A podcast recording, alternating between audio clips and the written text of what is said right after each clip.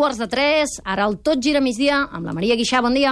Hola, bon dia, esports. Des d'ara fins les 3 a l'antena de Catalunya Ràdio, amb ressaca de la derrota del Girona a Sevilla, amb prèvies de l'Espanyol Betis i també del Llevant Barça, amb un final ja definit a la CB a Manresa i amb una doble final que avui volem que estanyeixi de blaugrana, la de la Copa Sobal d'handbol i també la Intercontinental d'hoquei patins. Tot això en un diumenge de solidaritat, marcat per aquesta marató de Catalunya Ràdio i de TV3 que ha arrencat ben d'hora i que aquest any recapta fons per finançar projectes de recerca científica del càncer. 905 11 50 50 905 11 50 50. Truca-hi, diu molt de tu.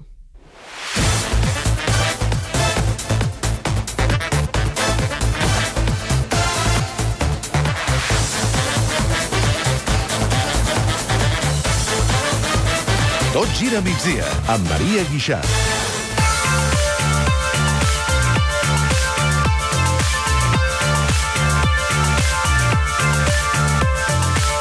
Minut de dos quarts de tres de la tarda, de seguida cap al Pizjuán, perquè el Girona ha perdut al camp del Sevilla, però abans hem de passar un moment pel nou Congost, perquè ja ha acabat el partit del Baxi Manresa contra el Saragossa. Bones notícies, les que ens arriben des del Bages. Ernest Macià, bona tarda. Bona tarda, Maria. Victòria de 21 punts del Manresa, 94-73 contra un equip que aspira a entrar a play-off. Ha sigut una de les victòries més clares dels últims temps i el Manresa, havent guanyat, es consolida entre els set primers que dona accés a la Copa i es podria permetre, dels cinc partits que queden, guanyar-ne dos per accedir-hi. Per tant, el Manresa encara ve aquest primer tram de temporada i és, de moment, la revelació de la Lliga CB. Cap al Pizjuán, el Girona ha perdut 2 a 0 a Sevilla.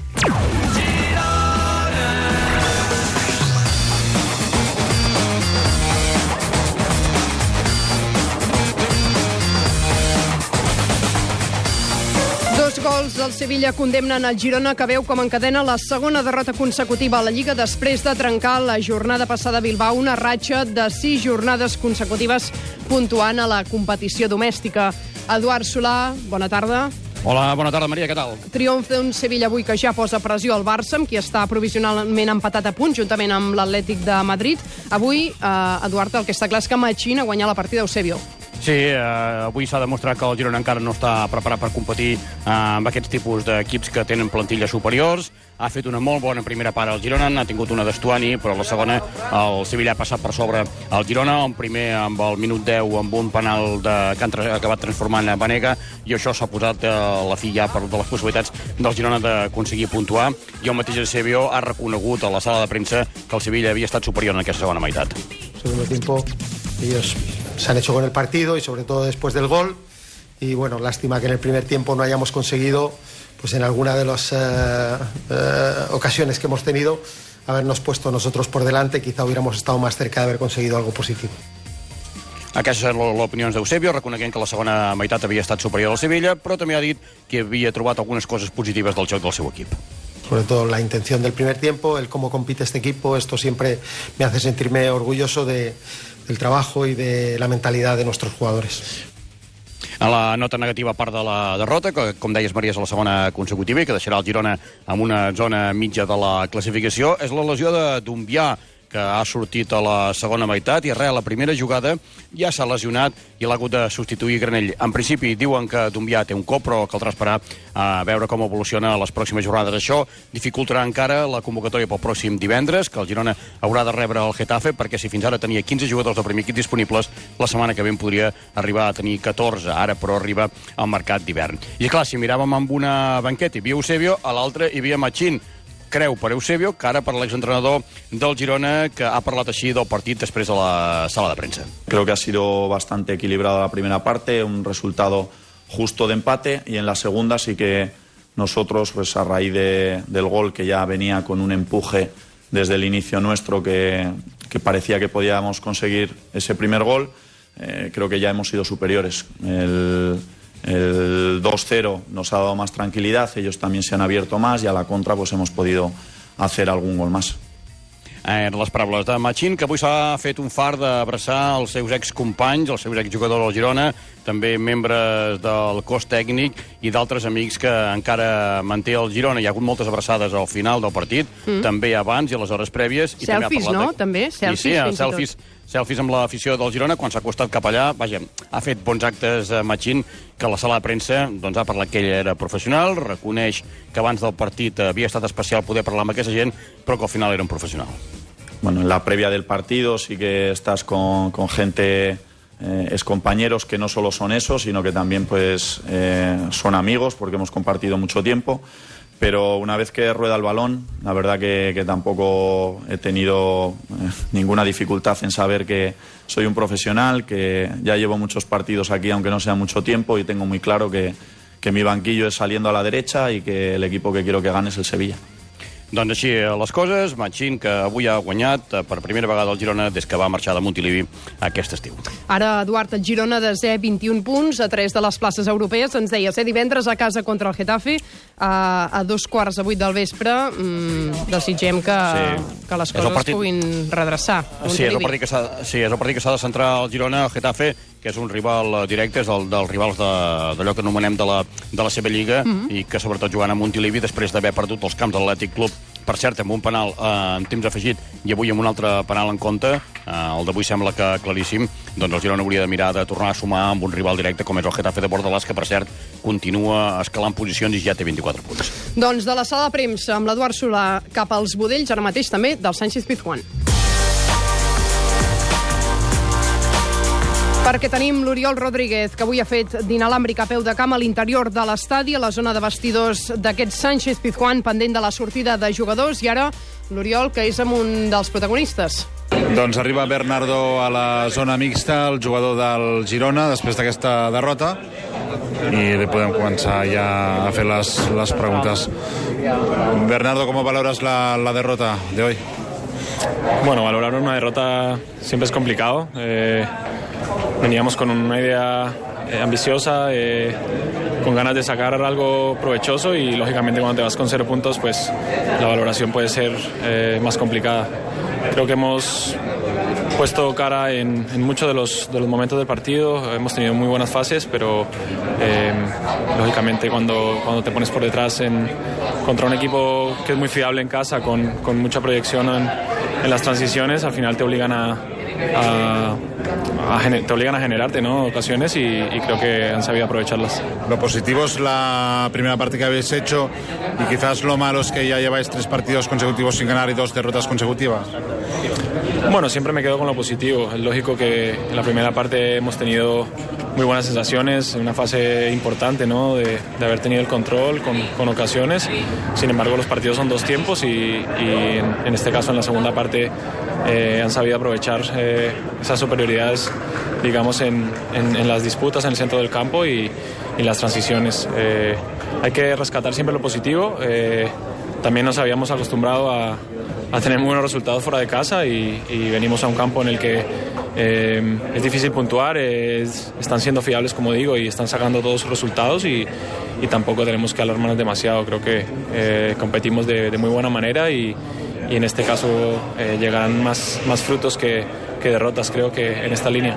El ha partido, pasado al Girona, que en la primera parte ha competido también y en la segunda prácticamente casi ha desaparecido. Bueno, eh, al final es fútbol, ¿no? Son dos equipos en el terreno de juego. Eh, la primera parte la propuesta ha salido de muy buena manera. Hemos tenido, como digo, más la posición de balón, pero, pero creo que en este caso el Sevilla también ha sabido eh, salir a arriesgar un poquito más, a ganar, eh, digamos, eh, la posición en medio campo y, y saber eh, hacer las transiciones eh, a nuestras espaldas de muy buena manera.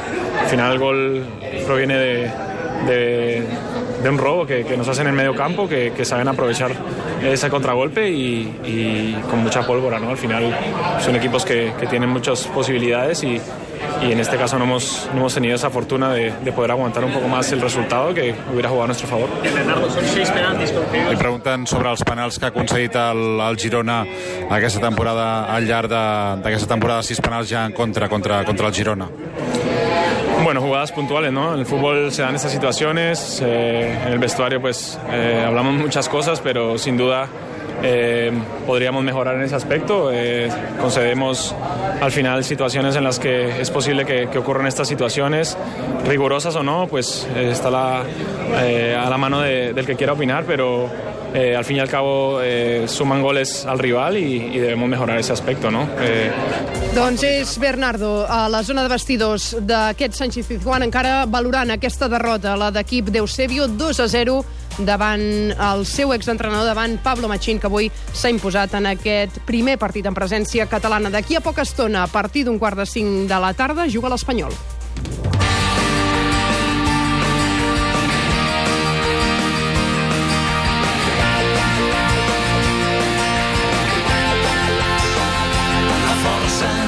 Un espanyol que vol frenar la ratxa de quatre derrotes consecutives a la Lliga davant un equip al Betis que arriba endollat, arriba d'haver guanyat tres dels últims quatre partits disputats. A Cornellà ja hi tenim l'Eudal Serra i el Sergi Andreu, tots dos a punt. Bona tarda. Bona tarda. Maria, bona tarda. D'entrada, Eudal, què et diu el Nas avui?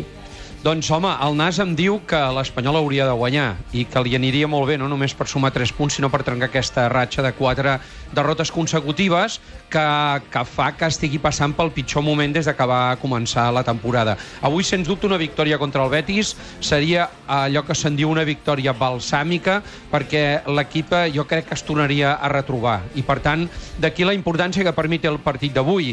Um, a veure, si l'Espanyol avui no aconseguís guanyar, tampoc hauríem de convertir-ho en un drama, perquè l'equip no està mal situat a la classificació, però evidentment que cinc partits sense guanyar començaria ja a ser preocupant. Mm. Ahir sentíem Rubi a la sala de premsa intentant treure transcendència al fet d'haver arribat amb aquesta ratxa i, i dient que sobretot també traient pit a l'hora, eh, que era el moment de reivindicar-se els jugadors i també va parlar del tècnic de, de dir som aquí i podem canviar les coses. Sí, és que jo crec que si ell no li treu dramatisme a la situació, doncs no faria bé, perquè ja sabeu que en el futbol l'aspecte psicològic compta i molt. Si tu estàs reconeixent que et trobes en una crisi profunda, doncs evidentment això no ajuda gaire als jugadors i en aquest cas una de les feines que té ara l'entrenador és intentar motivar els seus jugadors perquè intentin recuperar el camí de principi de temporada i que vegin que tornen a ser capaços de tirar endavant els partits com ho havien fet, sobretot aquí a Cornellà al Prat, on fins la visita al Girona doncs l'equip s'havia mostrat implacable.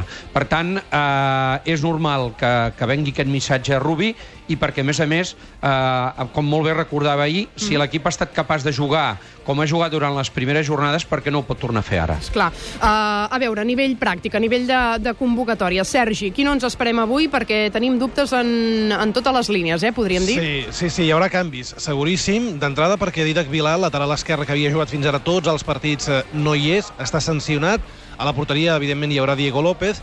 A la defensa, Javi López, eh, Duarte i David López seran els eh, centrals i a lateral esquerre, en lloc del Didac, eh, té molts números, jo crec, de debutar Adrià Pedrosa. Sí, ens l'apuntaves ahir, eh? Sí, perquè al final és un lateral jove, de, forma part de, del filial, eh, esquerra de Barcelona, 20 anys, però ja ha jugat els dos partits de Copa. Vull dir que ja ha debutat amb el primer equip de l'Espanyol a la Copa, ho va fer prou bé, en algunes fases diria que molt bé, és un lateral esquerre més ofensiu que defensiu, i per tant avui pot tenir eh, aquests minuts de glòria de- d'haver de, de debutar, de poder debutar amb el primer equip de l'Espanyol a la Lliga.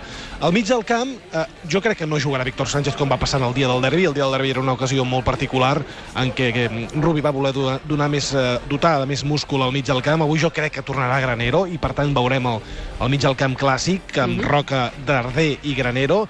I la línia de 3 del davant Eh, veurem si, si entra Sergio García el titular, ja està recuperat de la seva lesió, tot i que no han passat tampoc tants dies d'ençà que va rebre l'alta.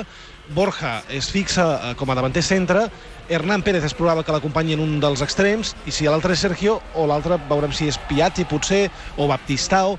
Eh, Aquí sí que hi ha més, eh, més dubtes. Doncs un 11 que d'aquí potser escassament mitja hora ja tindrem eh, sobre la taula, ja tindrem sortit del forn. Sergi, ara sentíem de fons un, un soroll, ha començat ja a haver-hi alguna activitat especial, avui hi havia aquesta fanzona ubicada aquí, no sé si són seguidors del Betis, que és el que sí, sentim. mira, n'he vist uns quants eh, de seguidors del Betis, eh, ara quan he arribat, no, les portes estan tancades, nosaltres som dins l'estadi, eh, encara no hi ha, per tant, aficionats dins, de la, dins del recinte, sí que n'hi ha uns quants fora, la fanzona habitual dels partits de casa, amb activitats pels, pels més petits. L'horari avui afavoreix que l'afició pugui venir fins i tot a dinar eh, aquí a prop de l'estadi.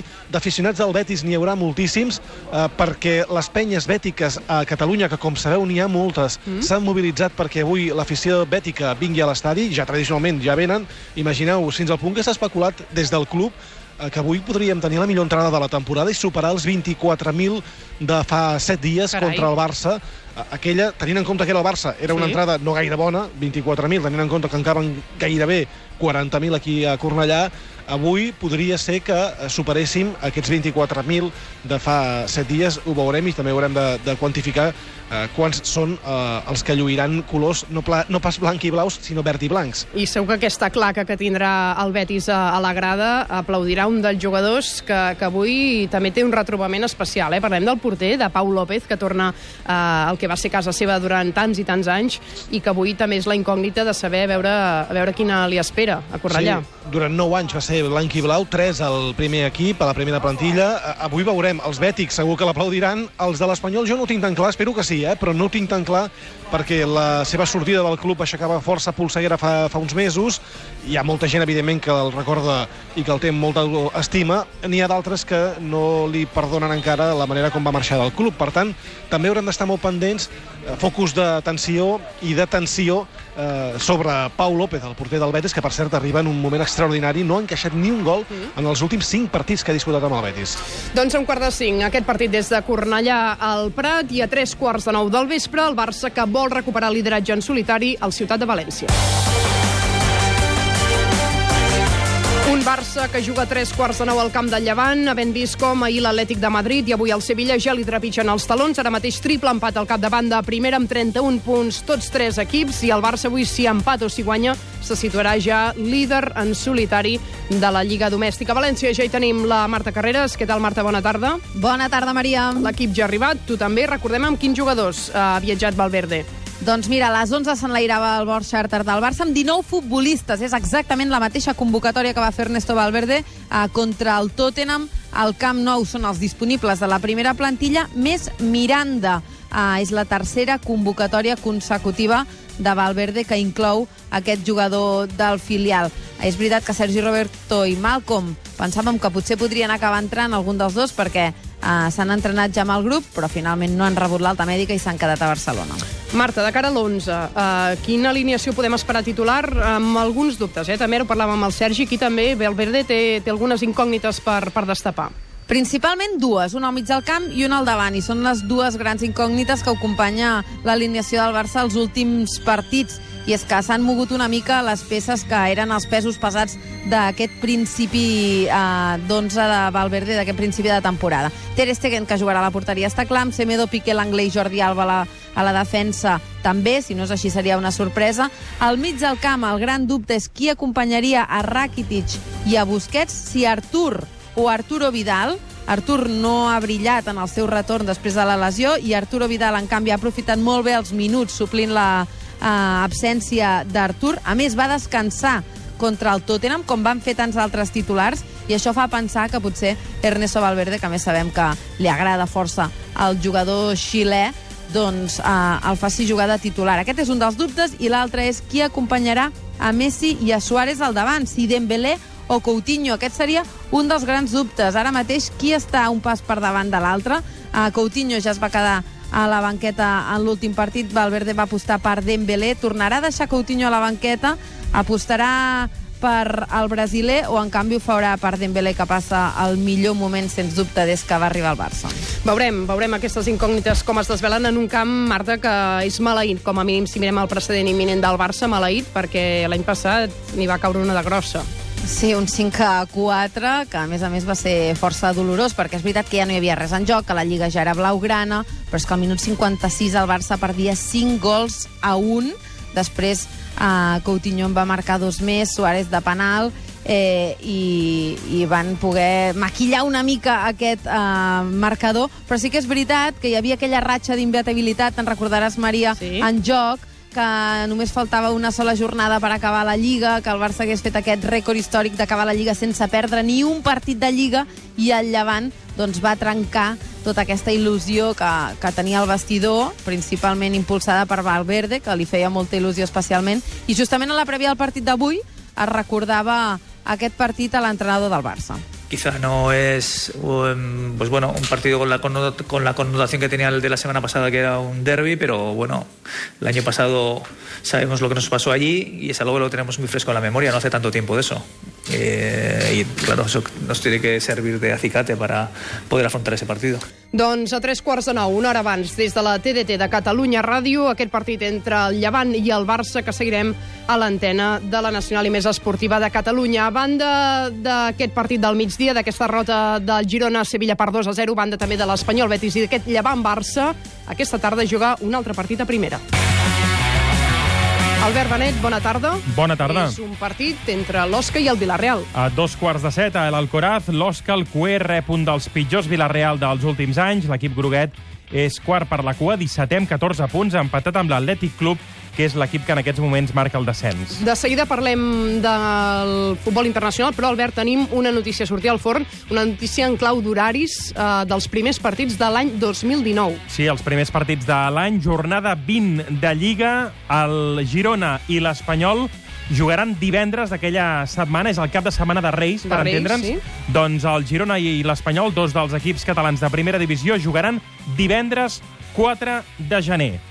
Eh, per tant, prepareu paper i boli, apunteu els horaris. Llevant Girona, divendres 4 de gener a les 7 del vespre i més tard, a les 9 del vespre, a Cornellà al Prat, es disputarà l'Espanyol Leganés. Això el divendres 4 de gener i pel dia de Reis, diumenge 6 de gener, partit del Barça. Getafe-Barça a 3 quarts de 9 del vespre. déu nhi amb la ressaca dels regals i tota la pesca. Exacte, i també us podem eh, informar a aquesta hora dels horaris dels partits de Copa, anada dels vuitens de final, just uns dies després d'aquests partits de Lliga que ara us explicàvem. El Girona Atlètic de Madrid, partidars de Copa, dimarts 8 de gener a dos quarts de 8 del vespre. El Villarreal Espanyol, l'endemà, dimecres 9 de gener, a dos quarts de 9 del vespre, també dimecres 9 de gener, a jugarà al Bernabéu, el Madrid Leganés, a dos quarts de 10 de la nit, i dijous 10 de gener, el Llevant Barça, també a dos quarts de 10. Per tant, el Girona jugarà dimarts, 8 de gener,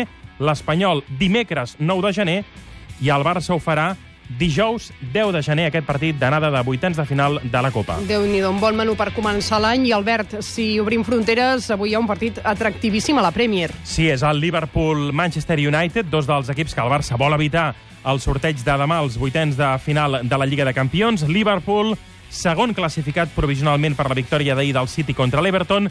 Si l'equip de Jurgen Klopp guanya aquesta tarda a Anfield, tornarà a ser líder. Ara mateix City, 44 punts, Liverpool, 42, el United de Mourinho, sisè i despenjadíssim a 16 punts del Liverpool i a 18 del City. I només som a la 17a jornada a Anglaterra. Aquest Liverpool United a les 5 de la resta de futbol internacional del cap de setmana. Destaco el lideratge destacadíssim, valgui la redundància, de la Juve a Itàlia, amb 9 punts més que el Nàpols, que avui juga al camp del Cagliari. La Juve va guanyar ahir per 0-1 al Torino amb gol de penal de Cristiano Ronaldo. Qui no para de fer gols a Alemanya, en aquest cas és Paco Alcácer, màxim golejador de la Bundesliga. Ahir va marcar el primer de la victòria del Dortmund contra el Werder Bremen per 2 a 1. L'exdavanter del Barça ha fet 11 gols en 439 minuts. Ahir va ser titular, però la majoria dels gols els ha marcat sortint des de la banqueta. I a segona avui juga el Nàstic, ho fa a les 6 a Extremadura.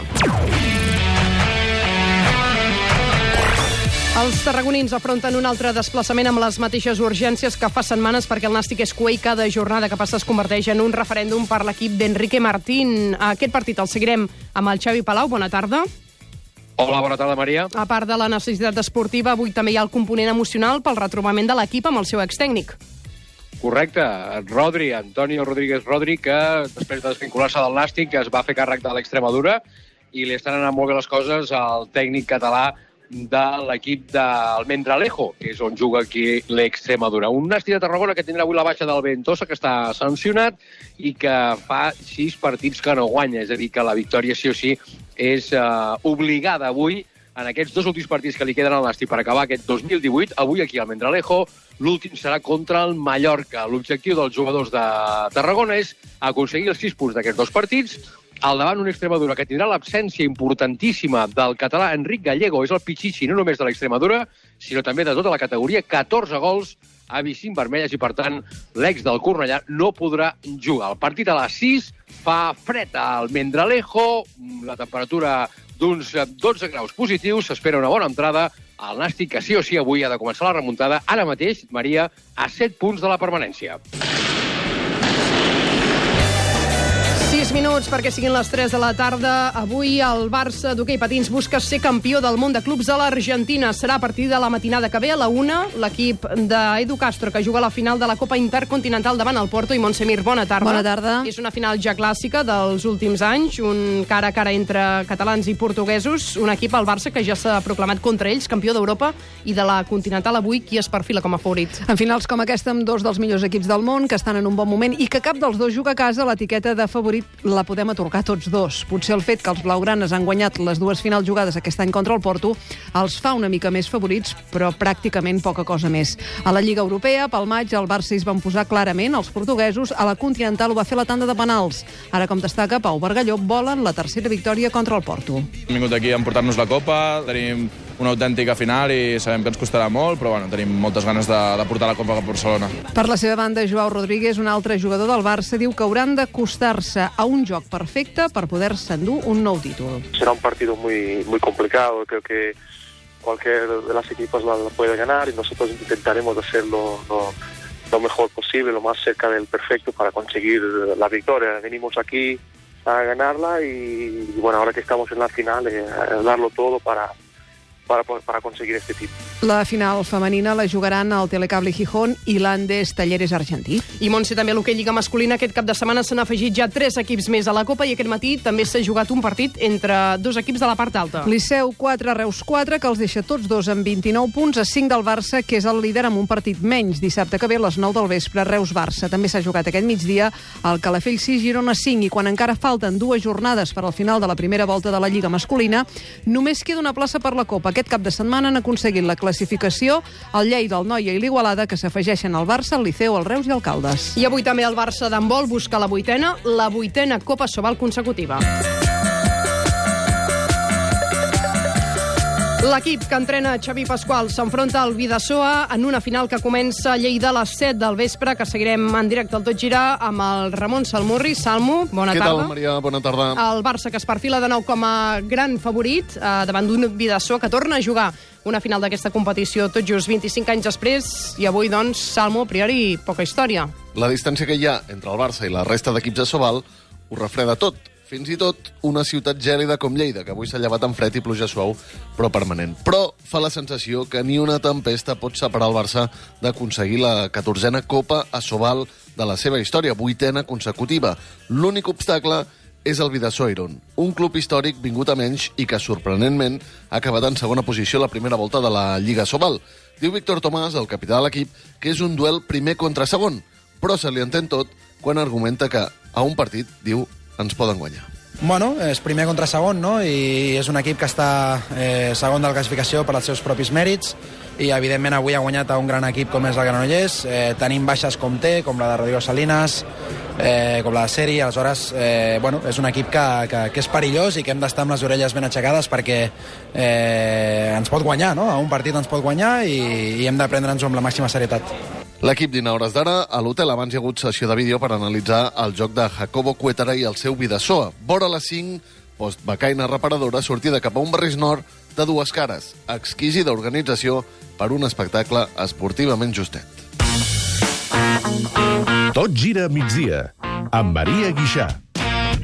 Tan sols aquest mes vine a la xarxa Renault i emporta't un vehicle de la nova gamma Limited amb fins a 6.700 euros de descompte i superequipat. Pantalla tàctil amb Smartphone Connection, climatitzador automàtic, targeta mans lliures, llantes d'aliatge, sensors d'aparcament i molts avantatges més perquè nosaltres no tenim límits, però aquest anunci sí! Oferta RSI Bank vàlida fins a final de mes. Consulten les condicions a Renault.es. Setmanari La República. Aquest cap de setmana als quioscos. Dissabte per 2 euros i diumenge per 2 euros i mig amb el punt avui. lrp.cat. El món es mou. Tots volem ciutats més netes, més humanes. I com que a Hyundai creiem que el moviment es demostra canviant, llancem els Move Days. Vine i canvia el teu antic cotxe per un nou Hyundai més net i emporta-te'l amb un descompte irrepetible. Mou-te. Canvia amb els Move Days de Hyundai. Només durant aquest mes. Hyundai. Visita'ns a Fornells Motor, concessionari Hyundai a Girona. Tot gira a migdia, amb Maria Guixà.